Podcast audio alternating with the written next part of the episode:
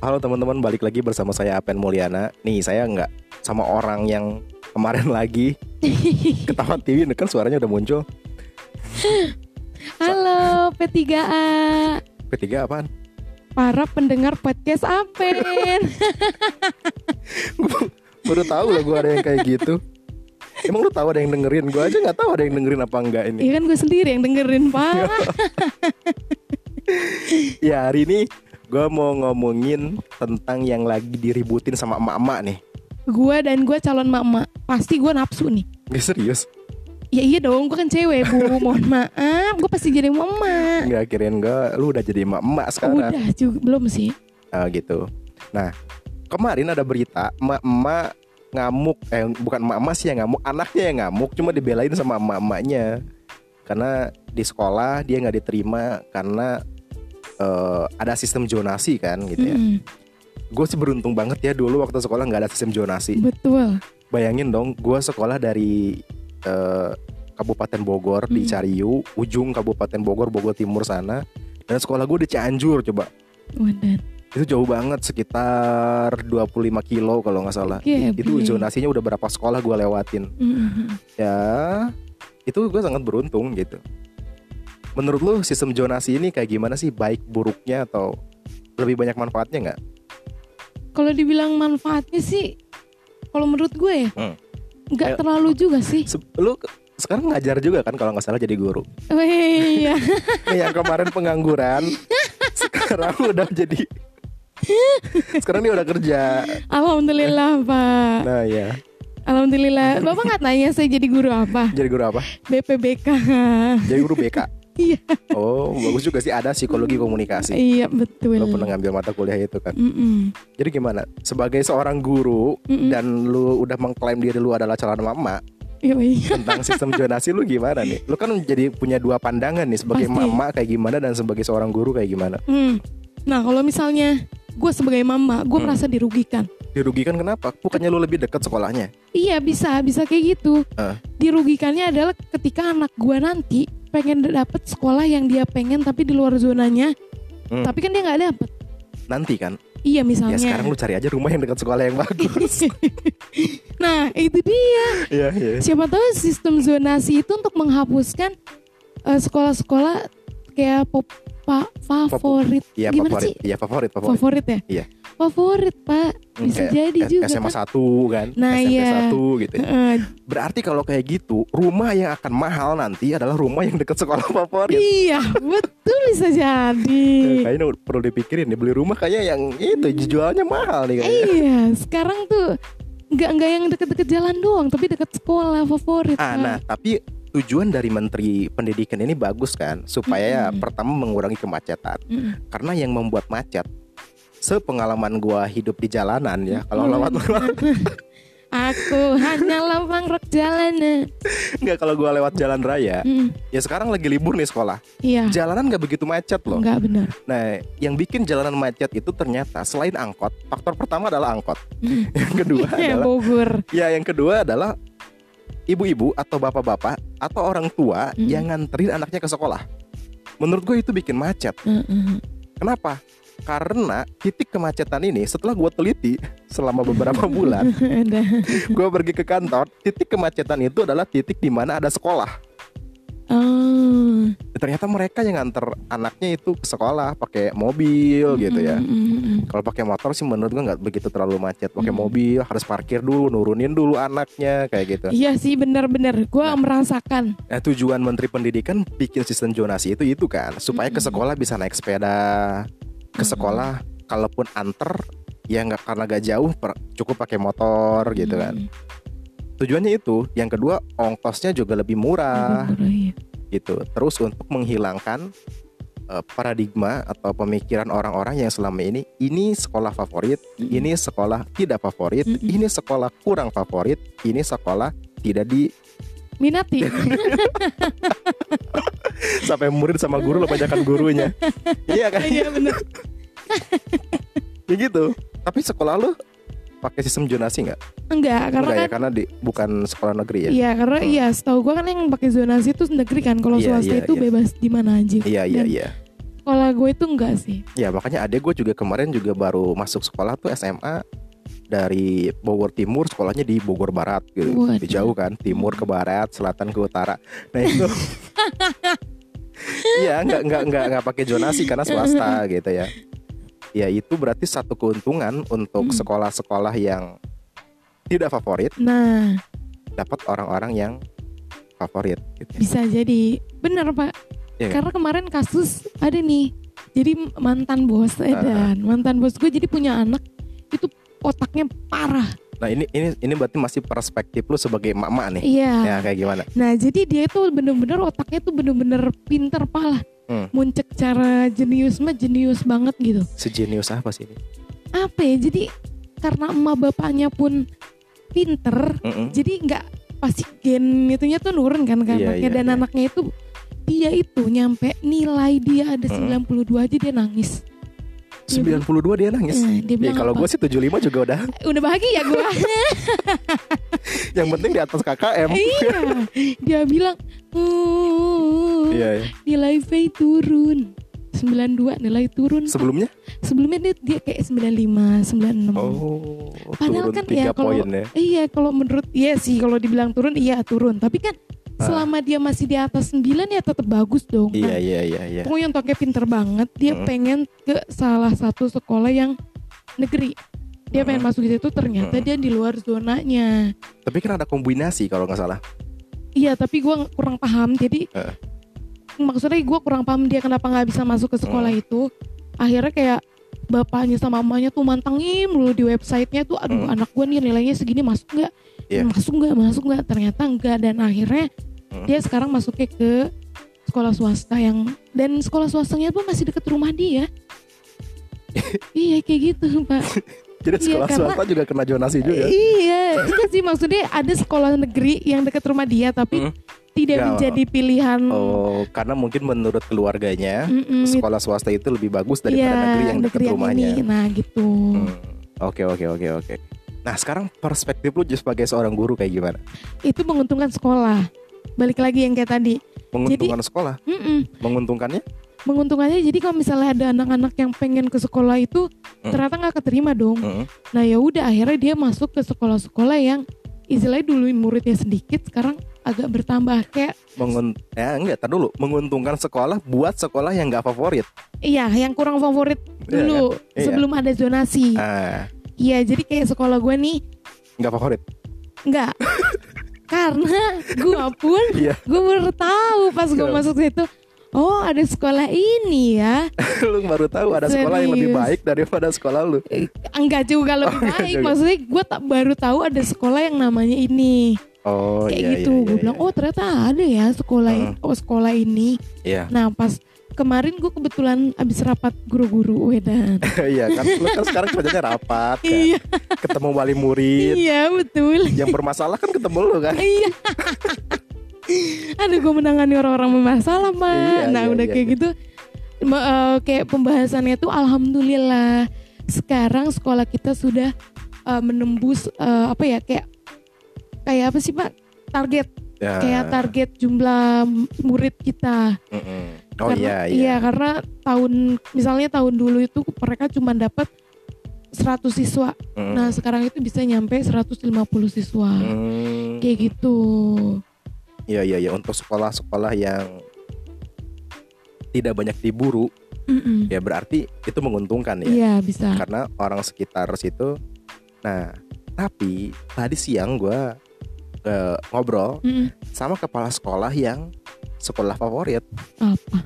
Nah, kebanyakan gue perhatikan sekolah-sekolah favorit itu bukan di tengah kota atau bukan di pusat keramaian. Biasanya dia itu ada di daerah pedesaan. Mm. Ya maksudnya gue nggak bicara kota kota yang kayak kota Bogor besar Mm. kota ya. Maksudnya di desa desa gitu ya. Mm. Sekolah favoritnya itu biasanya di pelosok. Mm. Nah, berbeda perspektifnya kayak lu gitu. Mm-mm. Dia berpikir justru ini merugikan untuk sekolah. Mm. harusnya saya menerima orang-orang yang pinter Iya, iya. tapi sekarang karena sistem zonasi ya mau nggak mau orang yang dekat yang saya terima Iya, iya, iya, benar bukan benar. orang yang pinter gitu ya nah terus dia bilang Ya berarti ini dulu yang menjadi persaingan, yang bersaing itu murid-muridnya. Ah, Mau masuk ke situ bersaing. iya benar-benar. Bener nggak? Mhm. Bersaing gimana caranya dia masuk lebih baik, belajar lebih giat gitu ya. Setelah masuk pun dia lebih serius. Mhm. Karena dia masuk, dia bersyukur lah istilahnya masuk di sekolah favorit. Mhm. Nah, sekarang yang bersaing itu guru-gurunya. Iya. Gimana caranya? Bisa nggak gue ngedidik orang-orang yang baragajul gitu? Iya. Bisa nggak nih gue ngedidik anak-anak yang bandel? Heeh. Sampai sampai ya sebelumnya juga lu udah bilang gue kerja di badan narkotika. Sampai dia bilang apa perlu gue tes urin dulu nih sebelum dia masuk? Iya. Kepala sekolahnya bilang gitu. Apa perlu gue tes urin dulu?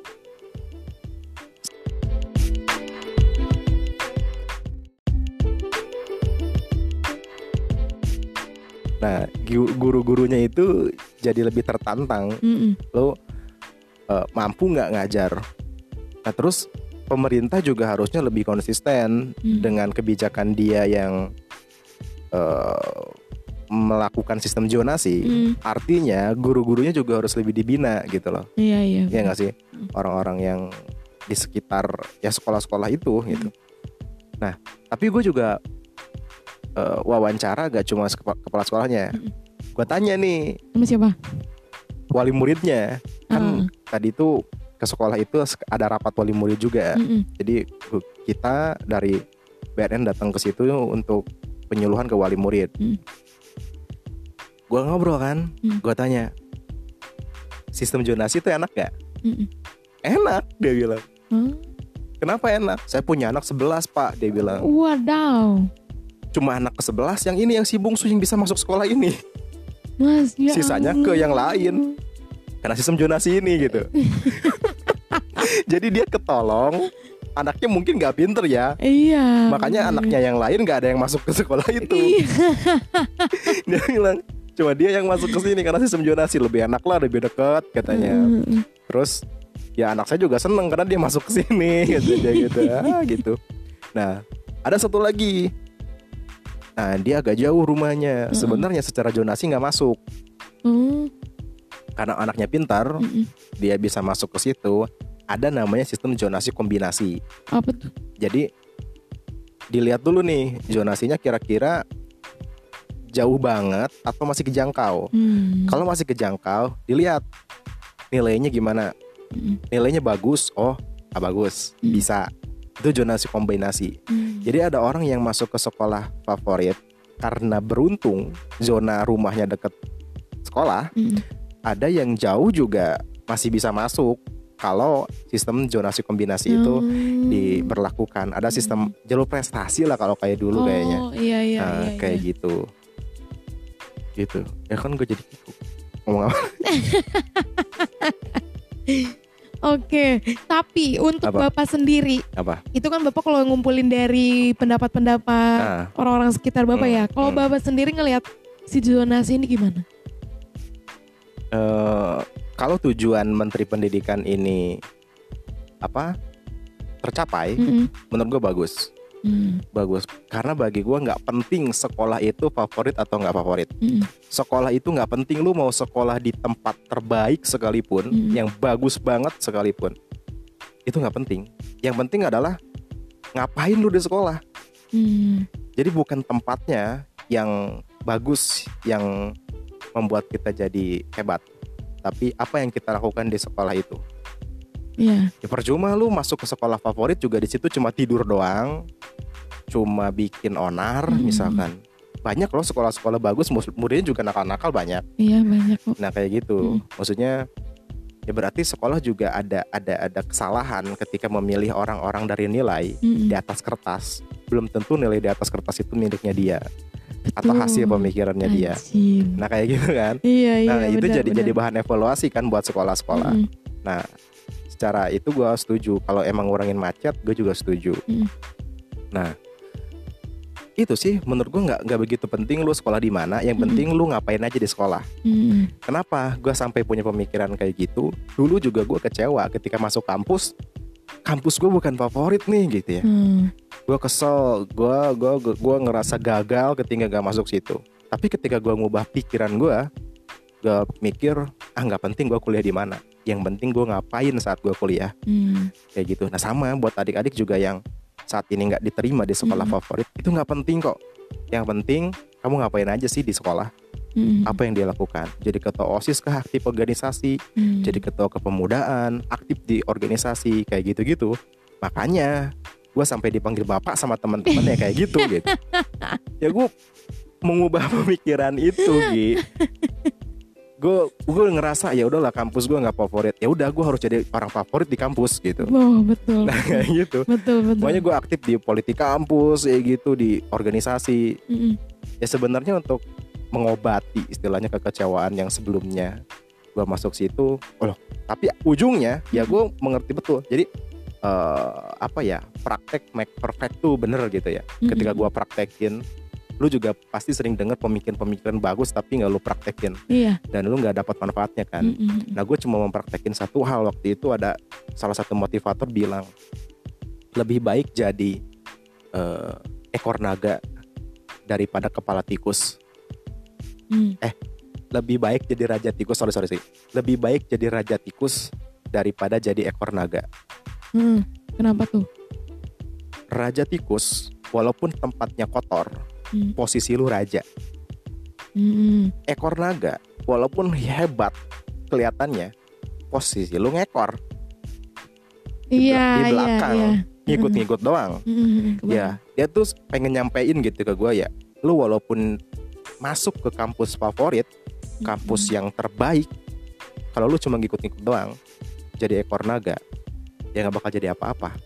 Walaupun tempat lu saat ini kecil, kotor, lembaga lu kecil, lu jadi raja di situ. Lu punya kuasa untuk membesarkan lembaga itu gitu. Mm. Ya makanya waktu gua kuliah, gimana caranya ini gue bikin acara yang besar banget gitu. Mm. Kayak gitu. Sama partner gua waktu itu si Niki gitu ya. Mm. ya gitu jadi bukan kampusnya atau bukan sekolahnya yang penting tapi lu ngapain aja di kampus itu Hmm. ngapain aja lu di sekolah itu Iya, iya. setuju nggak Setuju banget sih kalau gue. Tapi Pak di sini pemikiran anak-anak zaman sekarang kan apalagi dia baru masuk SMA nih. ya Umur-umurnya baru Hmm. umur-umur 15 lah Hmm. yang masih labil banget. hmm. Pasti mereka ada beberapa yang belum punya pemikiran kayak gitu. Jadi dia masih meratapi dan masih mengasihani dirinya sendiri kayak harusnya gue masuk situ, kenapa gue masuk sini sih? nah ini tugasnya orang tua menurut Nah. tugasnya orang tua juga untuk istilahnya ngajak ngajak ngobrol ngajak sharing gitu ya. Ya hal itu. Kenapa gue punya sampai punya pemikiran kayak gitu waktu kuliah waktu itu? Dan sekolah juga orang tua gue juga nggak begitu mementingkan gue harus ke mana. Hmm. ya karena orang tua gue juga mikir hal yang sama. Ya nggak penting lu sekolah di mana Hmm. gitu. tapi lu harus lu ngapain aja sih di sekolah walaupun ya orang tua gue nggak setuju gue sekolah di lingkungan situ gitu ya Hmm. karena walaupun sekuat kuatnya gue punya pemikiran ya itu tadi di podcast sebelumnya kan gue sempat bahas bahwa pemikiran kita itu akan setara dengan orang-orang yang di sekitar kita gitu ya. Hmm. Tuh, makanya dia jauhin. Tujuannya sih sebenarnya waktu ngejauhin gue dari sekolah dari Bogor ke Cianjur tuh bukan bukan tentang bagus atau enggaknya sekolah, Hmm. supaya gue punya sur- punya eh, apa? punya jiwa yang survive gak sih gue di lapangan Hmm. gitu. Gue bisa hidup gak sih jauh dari orang tua kayak gitu sih sebenarnya tujuannya. Hmm. Gak gak lebih dari itu. Dia cuma pengen nguji.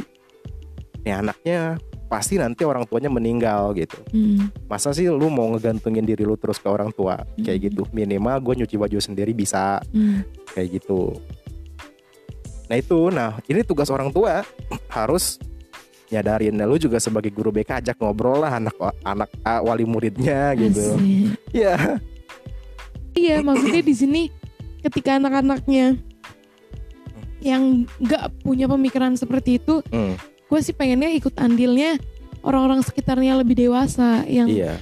ya nggak apa-apa lah masuk sekolah itu juga. Hmm, Bu- lu buktiin aja kalau di sekolah itu tuh lu bisa lebih lebih lebih lagi yang Iya, tadi itu mendingan iya. lu jadi raja tikus gitu. Iya iya iya. Nah, jadi raja capung apa Eh, gitu ya.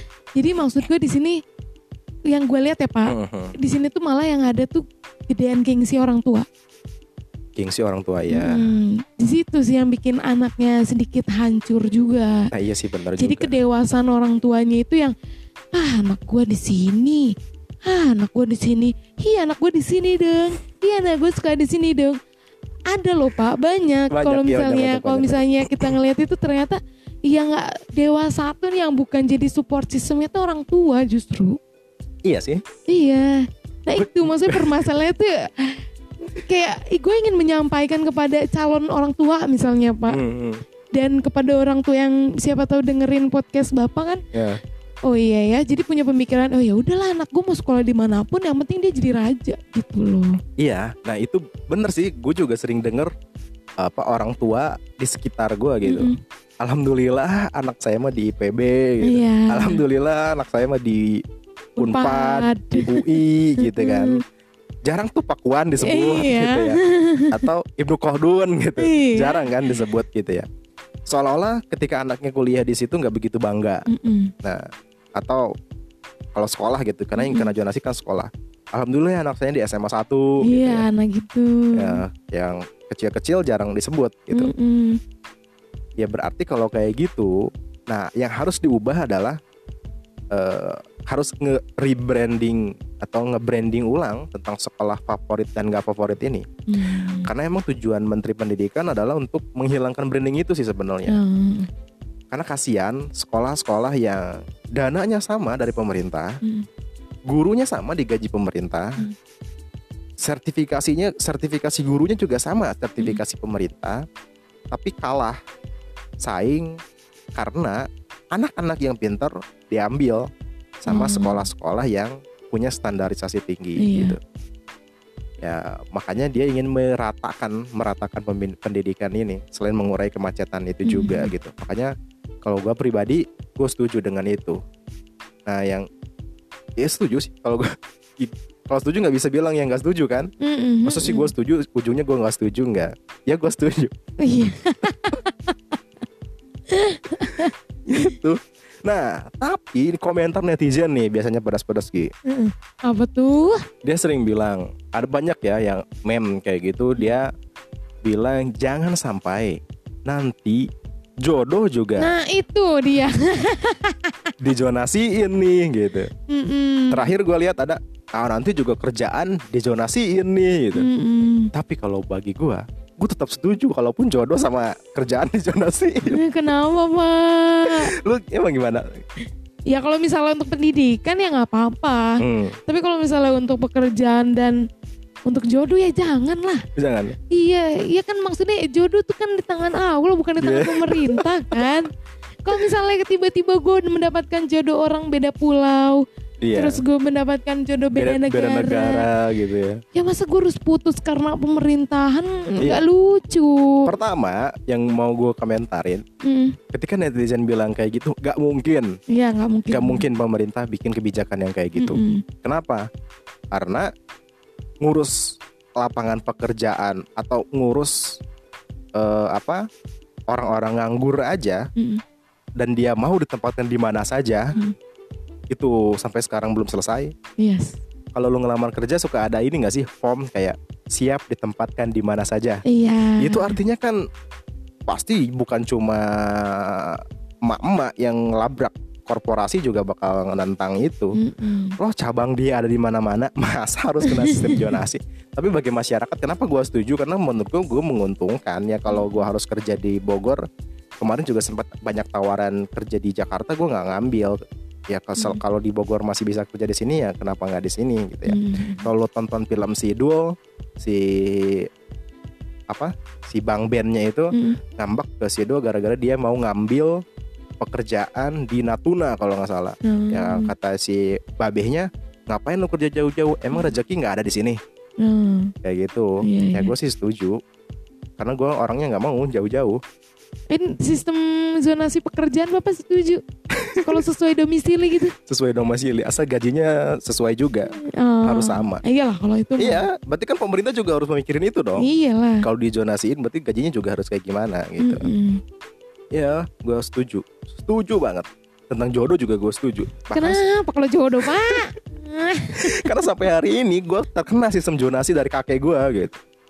Kakek gue tuh selalu bilang, kalau mau nikah jangan jauh-jauh. Mm-mm. Nanti kalau lu punya anak, gue nggak bisa ngelihat anak lo.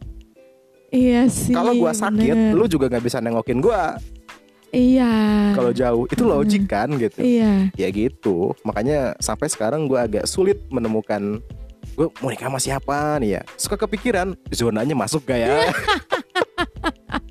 Ada radius berapa kilometer nggak pak dari rumah? ya ada lah. Ya sempat sempat Gi kemarin. Gue bi eh, karena kakek gue nanya mulu kan Mhm. orang mana orang mana gitu. Mm-mm. Sementara bapak gue sih kurang begitu setuju gue nikah cepet-cepet Mm-mm. gitu ya. Gue jawab aja nyeplos gitu ya. Itu? Orang Cianjur gue bilang Mm. gitu. Bilang dia ke emak gue. Bilangin ke siapa Kalau mau nikah jangan sama orang ke Cianjur. Jauh. Masa kayak gitu? Ya pikir, Allah. Oh ya udah kata gue, gue orang mana dong? Ya udah lah orang orang Cilengsi, orang Gunung Putri, orang yang kejangkau gitu. Ya gitulah. Tapi pemikiran kakek gue bener juga. Nanti gue punya anak, gak bisa ketemu kakek neneknya nih, mhm, bener gak bisa sih. ketemu buyutnya nih. Nanti dia nggak kenal sama keluarganya sendiri.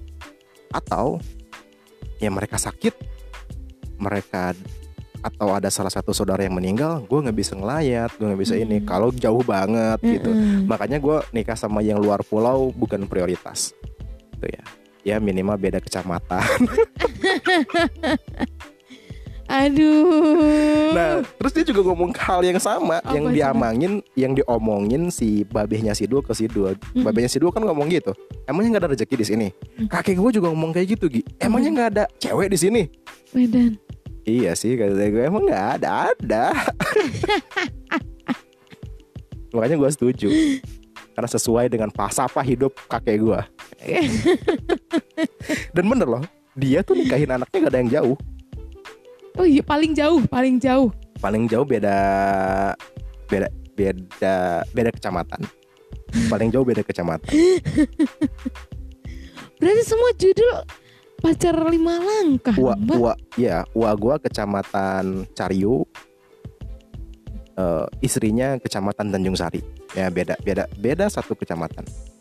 Terus yang dua lagi masih satu desa, beda RT. Oh itu bang kak, tete gue juga gitu iya. Ya beda RT. Ya, dia juga ngasih contoh itu. Liatin kakek, kakek nikahin anak gak ada yang jauh-jauh. Deket-deket. Dia bilang gitu.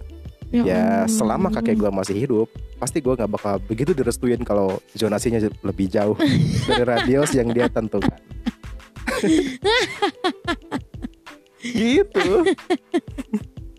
Semua lo ngaco aneh. Emang- Ya tapi enggak sih, ya tapi iya sih logis juga. Enggak nih yang buat yang dengerin nih Heeh. Kepikiran gitu sam- sampai segitu gitu. Karena bagi gua menikah itu bukan cuma antara gua sama pasangan gua nantinya, antara keluarga gua dan keluarganya Keluarga dia, dia. gitu ya. Karena kasihan juga ketika gua ajak dia ke sini, Hmm. oke gua deket sama keluarga gua, tapi dia kan jauh sama keluarganya. Hmm. Kayak gitu. Iya tadi gue mau nanya gitu. Kenapa nggak istri bapak dan anak bapak di bawa pindah ke deket rumah bapak gitu? Iya, kalau kalau mau sih nggak apa-apa. Ya kan nanti ada momen lebaran, bisa pulang kampung. Nah itu. Nah, gue juga sering diinin sama teman-teman cari agak jauh biar ngerasain gimana rasanya mudik. Mm-mm. Kata dia gitu. Ya nggak apa-apa lah kan dari Sukabumi ke Bogor juga mudik. Eh iya, yang penting kan lu berkendara di jalan. Eh gitu lah, nggak tahu juga gue sama siapa soalnya ini.